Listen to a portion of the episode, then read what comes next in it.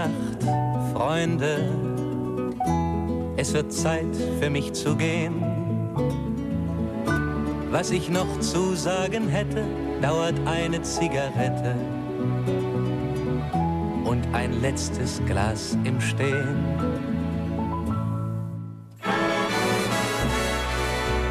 Dit is Het Beste uit het Oog. De wekelijkse podcast van NOS met het oog op morgen. Buiten is het 16 graden. Binnen zit Mieke van der Wij. Hartelijk welkom bij Het Beste uit het Oog. We hebben weer vier mooie gesprekken gekozen... uit de uitzendingen van afgelopen week.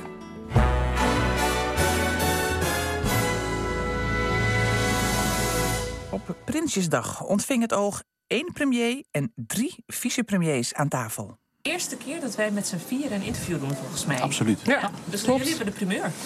We duiken in de mogelijk grootste gerechtelijke dwaling ooit. Misschien ben jij wel degene die de moordenaar is. En je bent er ook geweest? Nee, ik ben daar niet. Ja, jij bent wel een schudder. Misschien ben jij wel een moordenaar. Nee. De Arnhemse Villa-moord. En wat is de magie van het motorcrossen? Liefhebber Benny Jolink, de zanger van Normaal, verwoordt het zo. Als je met twee wielen los van de grond komt... en je zweeft dan een tijdje door de lucht en zo... nou man, dat is geil, jongen. Op een spoorwegovergang in Os gebeurde donderdag een verschrikkelijk ongeluk. Een elektrische bolderkar werd geschept door een trein... en vier kinderen kwamen om het leven. Lucella Carrasso sprak met Riet Viddelaars... van het expertisecentrum Omgaan met Verlies. Die vertelde wat familie en school in zo'n situatie nodig hebben. Rust terwijl er geen rust is, maar de juiste mensen om zich heen... Ehm, mensen die een door deze periode eh, en bij de een kan dat de huisarts zijn, bij de andere is dat iemand in de familie. Uh, mensen die weten van we kunnen jullie bijstaan, we bieden houvast in deze, terwijl er verder geen houvast is, want alles staat op losse schroeven. maar dat je toch een beetje je hoofd boven water kunt houden in alle ellende. En die ook dingen uit handen nemen. die bijvoorbeeld de contacten met de buitenwereld doen. En, uh, want je, bent, je staat totaal ja. je wereld staat stil. Je hele, je hele wereld stort in en, en staat stil en buiten gaan ook andere dingen weer door. Dus het is zo vervreemdend. Een film waar je eigenlijk zit te kijken van ja, zit ik in die film? Dat begrijp je niet. Ik zag ook de, de juf, hè, want u, u heeft ook veel ervaring met scholen. want dit treft natuurlijk ook de school. Ik, ik zag de juf of een schoolleidster vandaag van de school... die dat uh, nou ja, die, die dat is overkomen. En zij moest het natuurlijk aan de, aan de kinderen vertellen in de klas. Wat, wat komt er op zo'n school af op zo'n moment? Er komt ontzettend veel op af. En dan is het toch uh, de kunst om, om, om een soort overzicht te blijven houden. En, en, bijvoorbeeld met een team te kijken, wat first things first. En ik hoorde ook iemand zeggen en dacht van ja, dat is het eerste wat moet gebeuren. Zijn um, zijn de kinderen in veiligheid? Zijn alle kinderen in de klas? Is er, ontbreekt er niemand? Dat is een van de eerste dingen die je moet doen. Je moet op, op zo'n school ook eerst... U bedoelt kijken of er niet een kind op de gang is... of op de wc zit, ja, en of op straat. misschien, of op straat. Op straat, want kinderen stonden te kijken bij de, bij de, bij de overweg... en vergeten misschien om naar school te lopen. Dus daar moet je eerst naar kijken, de veiligheid als eerste. Het tweede is, je moet uh, nagaan of het bericht klopt voordat je eigenlijk iets kunt doen. Dus je moet je informatie binnenkrijgen. En dat is tegenwoordig al lastig genoeg, omdat Twitter is sneller dan, dan een nieuws bijna. Hè. Dus, dus, en daar staat van alles op wat ook niet, niet altijd, betrouwbaar is ja, niet altijd betrouwbaar is. En dan moet je gaan kijken wie moet je als eerste gaan informeren. Hoe, hoe, uh, je moet de leerkrachten uh, informeren en, en eigenlijk aangeven van hoe ga je met de kinderen verder in de klas. Je moet de ouders informeren. Wat de school ook heeft gedaan, naar ik begrepen heb, is gezegd van uh, zo en zo laat uh, worden jullie op school verwacht om je kinderen af te halen. Dat dat gecoördineerd wordt, dat niet iedereen zomaar binnenrent. En, want dan wordt het een chaos. De kinderen zijn vanmiddag thuis gebleven, heb ik begrepen. En wat ze ook doen is zeggen van ja, weet je, we pakken het ook weer op toen ik in het begin met eh, scholen en rouw bezig was... moest ik altijd vertellen aan scholen, je moet hierbij stilstaan. Toen had men de neiging om meteen maar door te gaan... en er niet over te praten.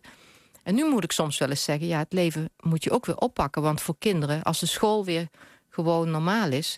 is voor kinderen ook een houvast. Dan gaat het leven... Dan, dan, dan biedt leven... dat structuur. Ja, en, en, en veiligheid. Ja. En dat wil niet zeggen dat je, niet, dat je moet doen alsof er niks aan de hand is... maar wel die structuur bieden... En kijken wat is nu nodig en welke kinderen hebben extra aandacht nodig. Of moeten we er straks toch nog een half uurtje bij stilstaan. Of welke oefeningen tekenoefeningen, kleioefeningen, de gymzaal in met de voetbal ertussen. Het moet, ik zeg altijd, moet uit het lijf. Want, want u heeft ook uh, lesmateriaal ontwikkeld. Hè? Wat, wat heeft u zo al ontwikkeld waar zo'n school iets aan kan hebben? Uh, ik heb een boek geschreven, ik heb die ook bij me, van De Rouwende School. Uh, dat is eigenlijk een soort kant-en-klaar boek. Want als je daar middenin zit, kun je niet alles gaan, uh, opnieuw gaan uitzoeken. En daar staan zelfs dingen in die je bij een afscheidsdienst kunt gebruiken. Er staan protocollen in, er staan voorbeelden in van andere scholen. En ik heb ook mappen gemaakt met oefeningen. Die zijn eigenlijk bedoeld voor groepen met rouwende kinderen. Maar ik merk dat scholen daar heel vaak oefeningen, werkvormen uithalen die passen. En, en wat is daar een voorbeeld van?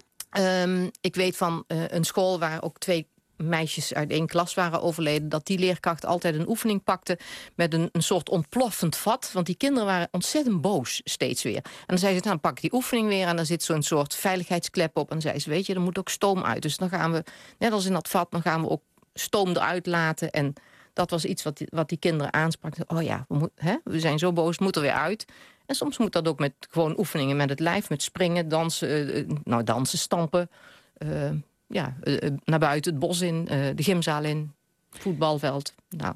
En in dit geval in Os zijn de slachtoffers 4, 6 ja. en 8 jaar. Dat zijn natuurlijk hele verschillende leeftijden. Wat, ja, kinderen van 4 bijvoorbeeld, wat is uw ervaring daarmee? Hoe, kunnen die dit bevatten al? Nee. Die ze voelen, neem ik aan, voelen, wel dat er iets heel ergs is Ze voelen heel veel. Ze ervaren vooral met hun lijf. Maar kunnen het echt met hun brein nog niet bevatten. Hebben ook nog geen, de meeste kinderen van vier hebben geen doodsbesef... in de zin van dood is voor altijd. En zijn vaak heel, met heel praktische dingen bezig. Dus leerkrachten kunnen daar soms ook van schrikken. Dan komen ze binnen en zeggen... had die trein niet kunnen stoppen? Uh, waarom, was, uh, waarom was die fiets niet beter gemaakt? Uh, werkte de rem niet? Uh, ach, kap, kapstokje kunnen we weghalen, want het kindje komt toch niet meer terug. Soms ook dingen die heel erg uh, wrang of gruwelijk lijken. Maar voor kinderen moet het kloppen. Mm. En het klopt en gaat het feest volgende week en, nog wel daar, door. Daar moet een, een, juf of meester ook wel op voorbereid zijn. Ja, Stel, precies. je zit nog midden in je emotie... Ja. en een kind maakt zo'n opmerking... dat moet je Ja. ook maar even kunnen opvangen. Ja, precies. Dus het is belangrijk dat ze dat, dat ze dat weten. Want anders schrik je ervan. Want jij zit in je emotie en het kind zit allemaal hele praktische dingen te vragen. Die emoties komen wel bij kinderen. Maar dat heeft even wat langer nodig. Maar ik heb ook wel leerkrachten meegemaakt die zeiden... juist die kinderen trok me op die manier doorheen. Dat is de andere kant. He, die zijn ook wat nuchterder, want ik was zo verdrietig. En de kinderen hielpen me daar ook mee. En de, en de kinderen van acht, wat, wat, wat, ja, hoe, hoe, wat is uw ervaring daarmee? Hoe zij hier, ja, ieder kind reageert natuurlijk sowieso anders, maar de ontwikkelleeftijd van Ja, acht? die hebben, die hebben wel al doodsbesef, dus die weten, die weten het ook wel. Het is toch belangrijk om te zeggen van nou, als je dood bent, dan komt iemand echt nooit meer terug. Hè? Nou, dat zal hier niet gezegd worden, maar ik hoor nog vaak van nou, het is net of die ligt te slapen. Uh, dat ja, moet nee. je niet zeggen Nee. tegen een kind van Ik acht. geloof dat ik dat in al mijn boeken geschreven heb, maar tegen geen enkel kind. Maar dan worden kinderen bang om te slapen en, en denken, nou ja, weet je, dus, dus echt het woord dood gebruiken. Hoe, ja, vinden volwassenen vaak moeilijk. Maar als je dood bent, dan word je niet meer levend. Dat, dat, is, dat is belangrijk. En ook kinderen van acht hebben praktische vragen, maar van een andere soort. Ook van hoe gaat dat nou precies en, en waar is die nu? En hoe gaat, een, eh, een, hoe gaat het bij een afscheid? Hoe groot is een kist? Uh, nou, zulke vragen. Hoe groot is een, wat ik wel eens meemaakte, dat, die, dat een kind zo van een jaar of zeven, acht in de keuken naar de oven stond te, te kijken. En zei van ja, maar hoe, hoe, hoe gaat die dan in stukjes? Want een oven in een crematorium is groot, maar het kind heeft, ziet alleen die oven in de keuken. En denk van, hoe, hoe gaat het dan? Zulke, zulke dingen vragen ze vaak. Um, net iets, iets rond die leeftijd beginnen ze ook met die, die Paul van Loon boeken te lezen. Dus dan zijn de, een beetje de gruwelverhalen. Dan heb je kinderen die soms echt naar, uh, ja, naar details vragen. Dan moet je ook begrenzen. Je moet eerlijk zijn tegen kinderen. Je moet ze zeker geen rad voor ogen draaien. Ook de kleintjes niet. Maar ze moeten er ook niet in verzuipen uiteindelijk. Ja, dus je moet ook een grens of, aangeven. Ja. En zeggen van, nou, weet je zeker dat je dat wil weten? En soms zeggen van, nu is het ook genoeg. Ja, dus je hoeft niet alle vragen te beantwoorden. Niet alle vragen te uh, zeggen leerkracht. van, nou, vind, mama of je vindt het nu, dat we nu genoeg... Uh, hè, en we komen er een andere keer wel op terug. Maar niet liegen. En, en wat, wat adviseert u leerkrachten uh, qua eigen emoties? Ja, eerlijk zijn is belangrijk, grenzen aangeven. Ja. Mogen ze ook hun eigen emoties tonen? Graag. Graag. Maar in, ook weer begrensd. Als je helemaal overstuur bent, wat in deze situatie heel goed kan... dan moet je zorgen dat je met volwassenen om je heen dat stuk, dat, dat je die lading eraf hebt. En in de klas mag je zeker zeggen, graag zelfs van... nou, juf is ook verdrietig. Nou, ze snapte ook niet hoe het gebeurd is. Hè? En, en, dan zijn we samen verdrietig. Maar dat je woorden geeft aan... Je kan het beter woorden geven dan dat je... Uh, hysterisch huilend bijvoorbeeld. Want daar kunnen kinderen natuurlijk ook van uh, in paniek raken. Ja, jij bent het al vast als leerkracht. Dus ze kijken naar jou. Maar ze leren ook dat verdriet erbij hoort. Als je zegt van ik ben ook verdrietig. We zijn allemaal verdrietig. En we weten ook niet hoe dit gebeurd is en we vinden het verschrikkelijk. Dat mag je allemaal zeggen. Op Prinsjesdag ontvingen Wilma Borgman en Lucella Carrasso... de vier belangrijkste leden van het kabinet. Premier Rutte en de vicepremiers Ollongren, Schouten en De Jonge. Lucella wilde weten hoe het onderlinge contact verloopt. En wie heeft er doorgaans, als jullie met z'n vieren zijn, het hoogste woord? Hugo. Daar kunnen wij helaas geen nadere mededeling Dat blijkt wel. Dus we moeten u een beetje in de gaten houden, meneer de Jonge. Nee dat hoeft niet. Dat hoeft niet. Let vooral op de rest, zou ik zeggen. Meneer Rutte, om bij u te beginnen. In het vorige kabinet had u alleen Lodewijk Asscher om eh, mee te sparren en zaken mee te doen. Nu hebt u deze drie. Hoe is dat? Dit is totaal anders. Uh, dit is een echt, voor mij ook, uh, mensen zeiden... ja, derde kabinet, wordt dat niet meer van hetzelfde? Het is totaal anders. Wat is er dan anders aan? Vier partijen, uh, drie vicepremiers, heel andere politieke samenstelling... ander tijdsgewicht.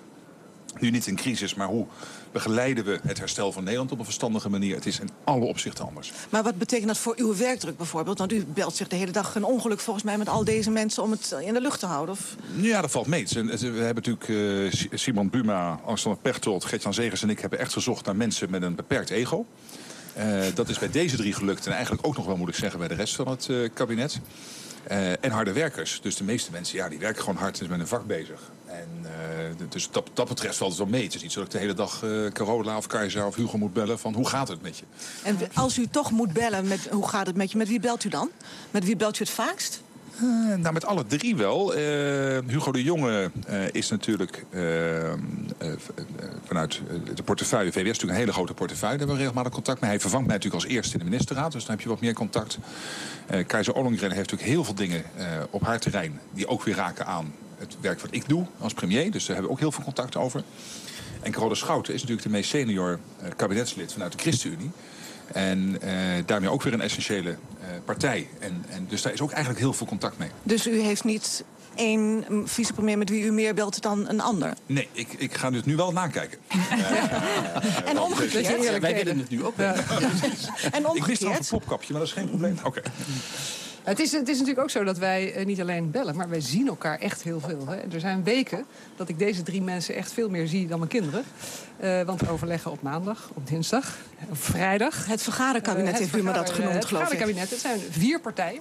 Ja. dan moet je elkaar goed aanvoelen en dan moet je echt goed overleggen en weten wat je, wat je doet. En dat gaat wel in een hele goede sfeer, maar is heel intensief. Maar gaat het, ja, gaat het ook ten koste van de kwaliteit af en toe? Dat je zoveel tijd bezig bent met afstemmen? Ja, ik hoop dat het leidt tot juist betere kwaliteit. Ik vind, we moeten niet onderschatten.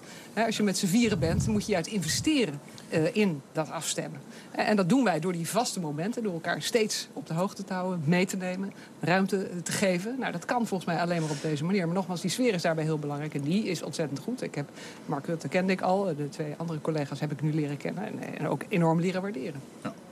En is er dan ook een appgroepje van de drie vicepremiers... om af en toe uh, toegang tot de premier met z'n drieën even te krijgen? Hoe, uh... raakt u, raakt u aan de, premier kan daar niet in, in het appgroepje. De premier kan er niet in. Hugo de Jonge, uh, is, is, er een, is er een vicepremier-appgroep? Nou, we appen wel eens onderling, maar we hebben geen, geen appgroepje inderdaad. Nee. nee. nee. nee.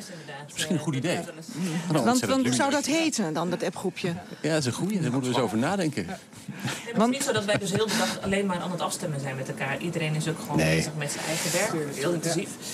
Met zijn eigen beleidsterrein. Um, en dat is ook, ja, dat, daar, daar, dat is natuurlijk ook gewoon primair je taak. En tegelijkertijd moeten er gewoon soms zaken afgestemd worden. En dat gaat op een hele, nou ja, hele rustige manier en ook uh, heel constructief. Um, wij kunnen elkaar altijd vrij makkelijk vinden.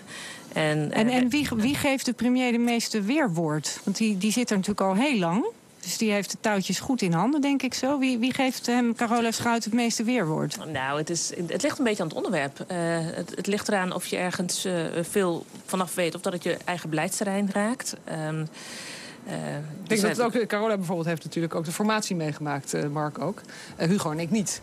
Ja, dus soms kijken we allemaal naar Carola om nog eens even op te diepen. Wat nou maar klopt dat wel? Is dat wel afgesproken? is dat dan een vraag? Wat de context is, ja, dat soort dingen. Dus dat is belangrijk. Ja, Hugo heeft een schat aan ervaring ook op het sociaal-economische domein. Dus niet alleen haar eigen portefeuille, maar ook het sociaal-economische domein. dat geldt voor Kajsa natuurlijk als het, in het hele bestuurlijke domein. het interbestuurlijke domein ook met, met gemeenten.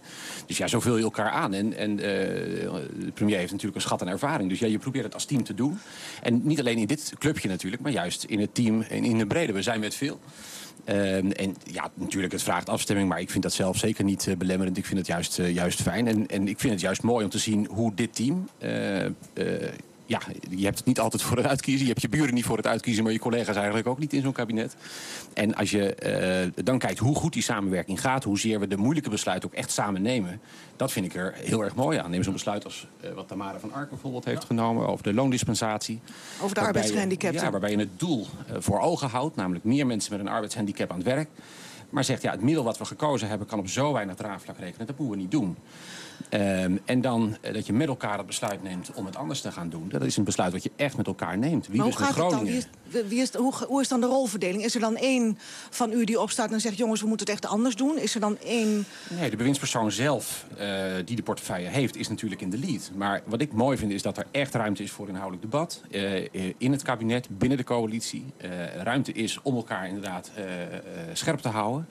Uh, en dat je daar dus echt als team voor dat type grote besluiten staat. Terwijl dat weer helemaal niet gebeurde bij de dividendbelasting. Dat was ja, regeerakkoord was dat. Dat was, dat was in de formatie. Uh, dus dat was een andere fase. Maar ik, dit voorbeeld inderdaad van de loondispensatie. Uh, Tamara was tot de conclusie gekomen... dit is een maatregel die met de beste bedoeling uit het regeerakkoord is gekomen... maar die gaat toch zo niet werken. Nou, die heeft zich ook tot ons gewend ook fractievoorzitters. En toen hebben we tegen elkaar gezegd, oké, okay, laten we kijken of het anders kan. En, en, bij de dividendbelasting was er niemand van, van de vicepremiers bijvoorbeeld... die zei, dit wordt gewoon te ingewikkeld, ook qua draagvlak, we, dat moeten we niet doen. Ja, natuurlijk hebben we ruimte genomen in het, uh, in het coalitieoverleg. Uh, maar ook wel binnen het kabinet om te zeggen... ja, dit is, dit is een maatregel die zich niet lastig laat uh, uitleggen. Ik bedoel, het kabinet niet lastig? Of wel lastig? Sorry, niet, niet gemakkelijk laten uitleggen. en dat betekent dat we daar natuurlijk bij stil hebben gestaan... maar ook wel tot de conclusie zijn gekomen. Ja, weet je wat nog veel moeilijker uit te leggen is? Als je on your watch grote bedrijven laat vertrekken... met alle schade aan de economie van dien. Ja, en zo komt dat D-woord altijd weer op de proppen.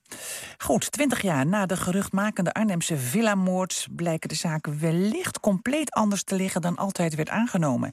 Volgens de adviescommissie voor de Hoge Raad in afgesloten zaken... zijn er grote fouten gemaakt bij het verhoren van de verdachten. Daardoor zijn ze mogelijk ten onrechte veroordeeld tot jarenlange celstraffen. Voor rechtspsycholoog Peter van Koppen komt deze conclusie niet als een verrassing. Hij onderzocht de zaak eerder en het viel hem toen al op dat het een curieuze zaak is. Uh, een van de rare dingen was dat, het, uh, dat uh, de dader heeft twee vrouwen op een bed gelegd... en beide door het hoofd geschoten. Een van de twee heeft overleefd. En die heeft een uitgebreide getuigenverklaring afgelegd. Die heeft het over één dader. En vervolgens heeft de politie het oog laten vallen op elf verdachten, elf mensen die het gezamenlijk gedaan zouden hebben.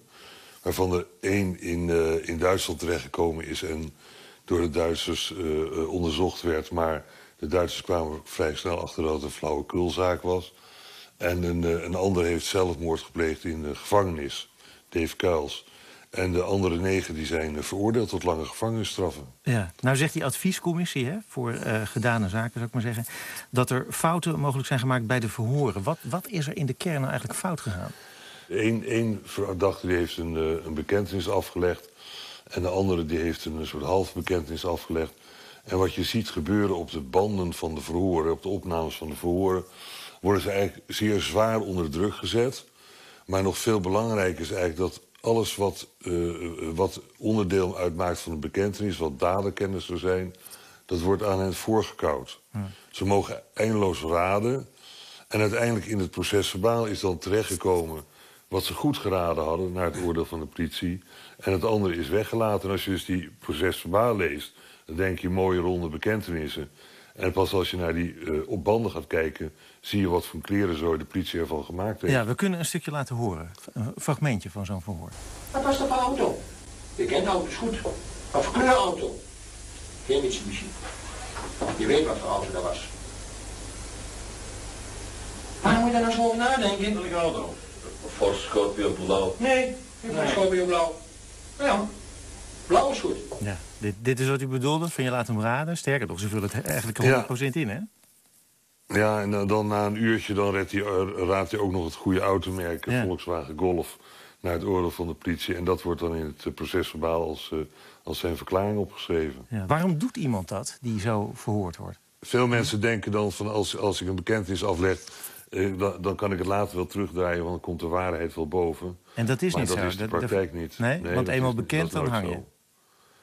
Als je bekend hebt, hang je, ook al trek je later je bekentenis in. Want ja, dan denkt men natuurlijk van... dat, dat heeft de advocaat hem ingefluisterd, trekt die bekentenis maar in. Maar die eerste bekentenis blijft altijd staan. Ja. Zeg, en dan die andere vraag. Waarom doet een agent dit? Waarom verhoort hij op deze manier? Nou ja, het is, het is natuurlijk basale incompetentie van, van zo'n agent. Want hij realiseert zich niet dat als je iemand op zo'n manier gaat verhoren... dat je aan het einde met een verklaring komt te zitten... waarvan je niet meer weet of het nou het echte verhaal is... of dat die verdachte het alleen maar verteld heeft om, uh, jou, uh, om van jou af te komen, om jou tegemoet te komen. Het, het, het, levert verklaring op waarvan je helemaal niet weet wat je daarmee moet en wat het betekent. Zeg, hoe ver mogen agenten gaan? Zijn, wat zijn de regels eigenlijk daarvoor? Nou, dat, dat is eigenlijk heel raar geregeld. De formele regel in Nederland is dat een verdachte en een getuige... maar dat geldt voor allebei, de verklaring in vrijheid moet uh, afleggen. En uh, dat wordt geïnterpreteerd door rechters... dat er een, toch wel een zekere druk mag worden uitgeoefend. En naarmate het om een zwaarder misdrijf gaat... mag men meer druk uitoefenen. Maar men realiseert zich niet dat er een hele hoop manieren zijn... om bekentenissen los te krijgen. En ook een hele hoop manieren om uh, valse bekentenissen los te krijgen. Daar hoef je niet voor in de verhoorkamer uh, druk voor uit te oefenen. In dit geval is dat wel gebeurd. Maar ook zonder druk kan je mensen vals laten bekennen. Ja, want de, de Alice in Wonderland methode, hè, wat is dat? Dat zijn zaken waarbij uh, men over het algemeen weinig bewijs heeft... en dan eigenlijk al het bewijs moet komen van de verklaring van de verdachte. En dan gaat men ja, de, de verdachte voorkoken in de politiecel. En dat gaat eigenlijk op de volgende manier. Uh, rechters, commissarissen stellen mensen uh, in ernstige misdrijven meestal in beperkingen. En dat betekent dat je uh, met niemand contact mag hebben, behalve met je advocaat. Maar je mag ook niks lezen, je mag ook geen radio luisteren, je mag ook geen televisie kijken. Dus wat je dan kan doen is uh, 23 uur per dag naar de muur van het celletje kijken. En als we dan vervolgens zorgen dat mensen slecht slapen door de airconditioning ijskoud te zetten, door dunne matras, door een papieren dekentje, door een herriemaker in de cel ernaast, door licht aan te laten, hm. uh, dan, uh, dan laat het onderzoek zien dat mensen die slecht slapen en op deze manier een beetje de weg in het leven kwijtraken, uh, veel gemakkelijker bekennen. En dan kom je dus eindelijk in die, in die warme cel met die twee vriendelijke rechercheurs.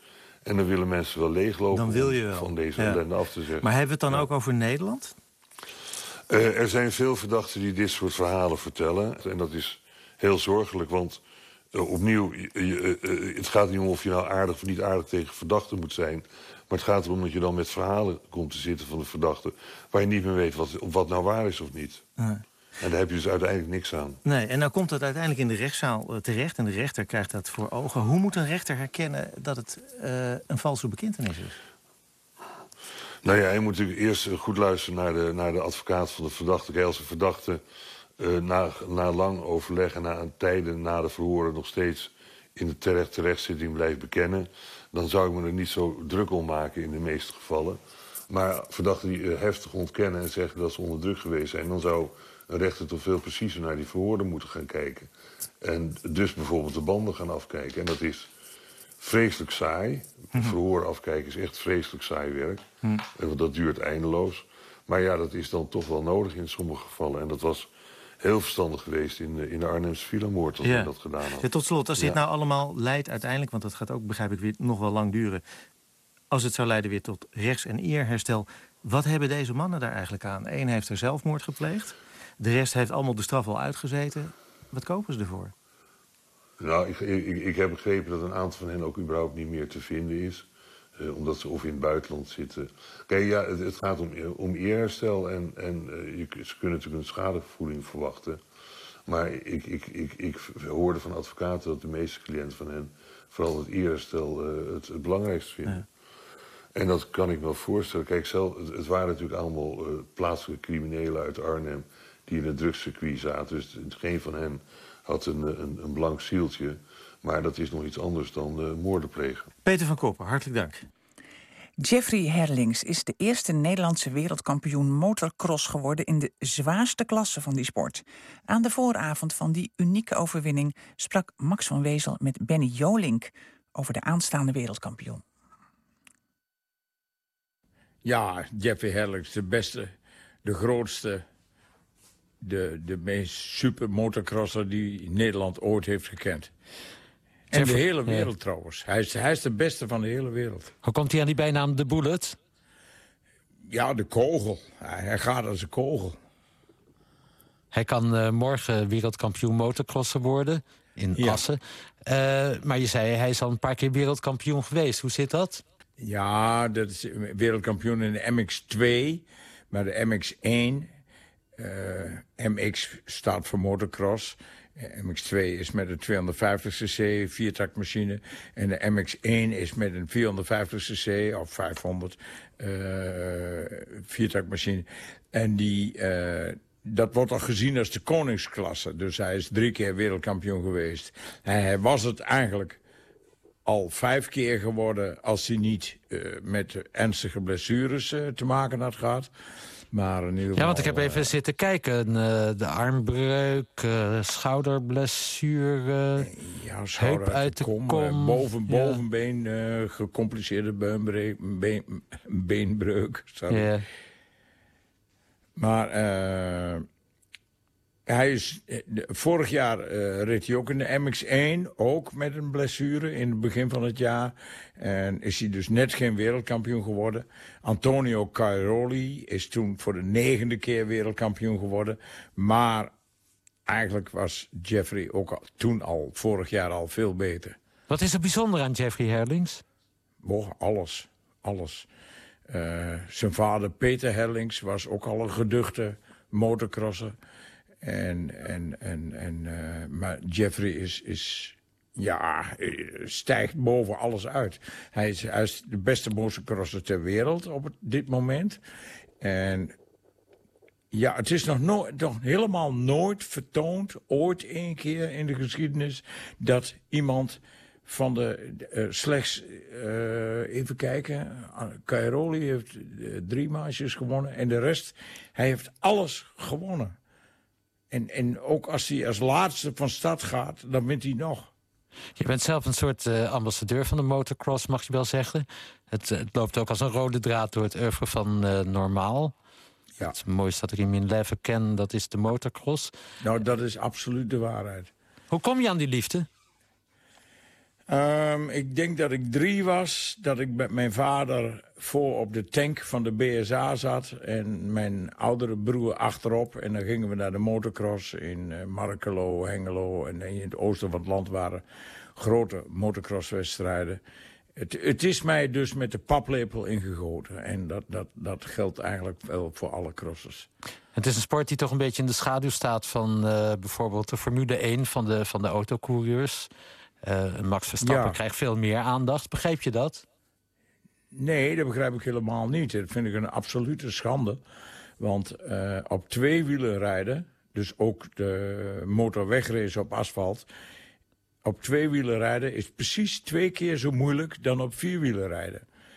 En, en uh, hoewel die, die, die, die Formule 1 natuurlijk veel meer glamour... en, en ook de wegrace heeft ook meer glamour en, en meer uh, publiciteit dan de motocross.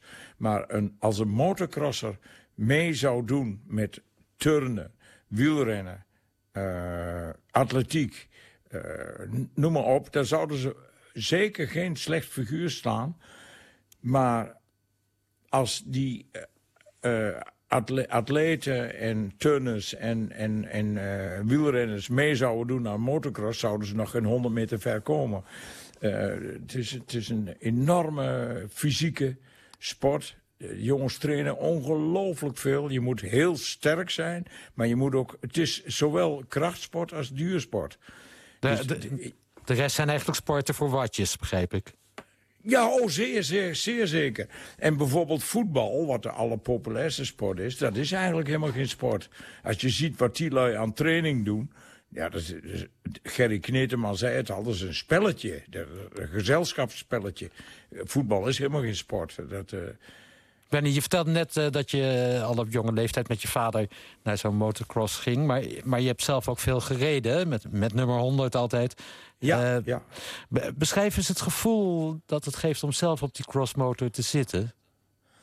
Nou, niet lang geleden zei mijn, mijn zoon, die was dat ook weer gaan crossen. En die zei, pa, motocrossen is toch echt het aller, allermooiste wat er is op de hele wereld. En dat ben ik helemaal met hem eens.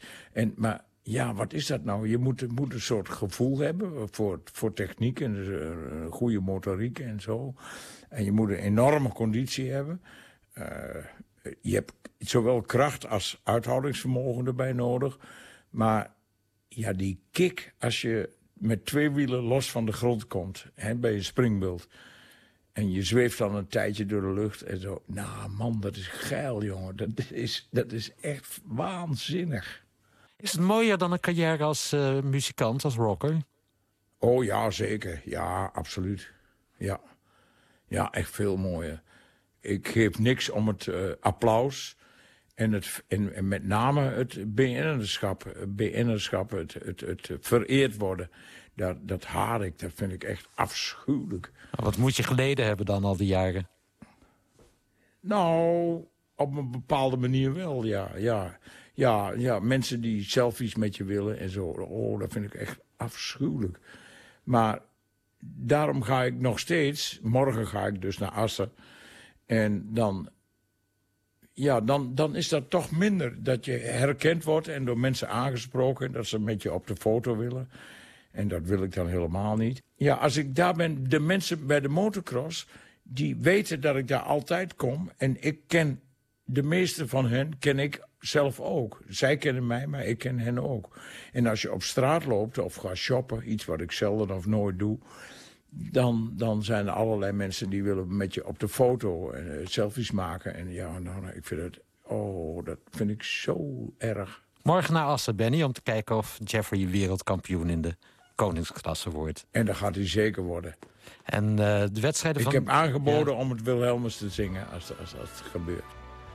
Nou ja, het is dus inderdaad gebeurd. Maar of eh, Benny Jolink het Wilhelmus heeft gezongen...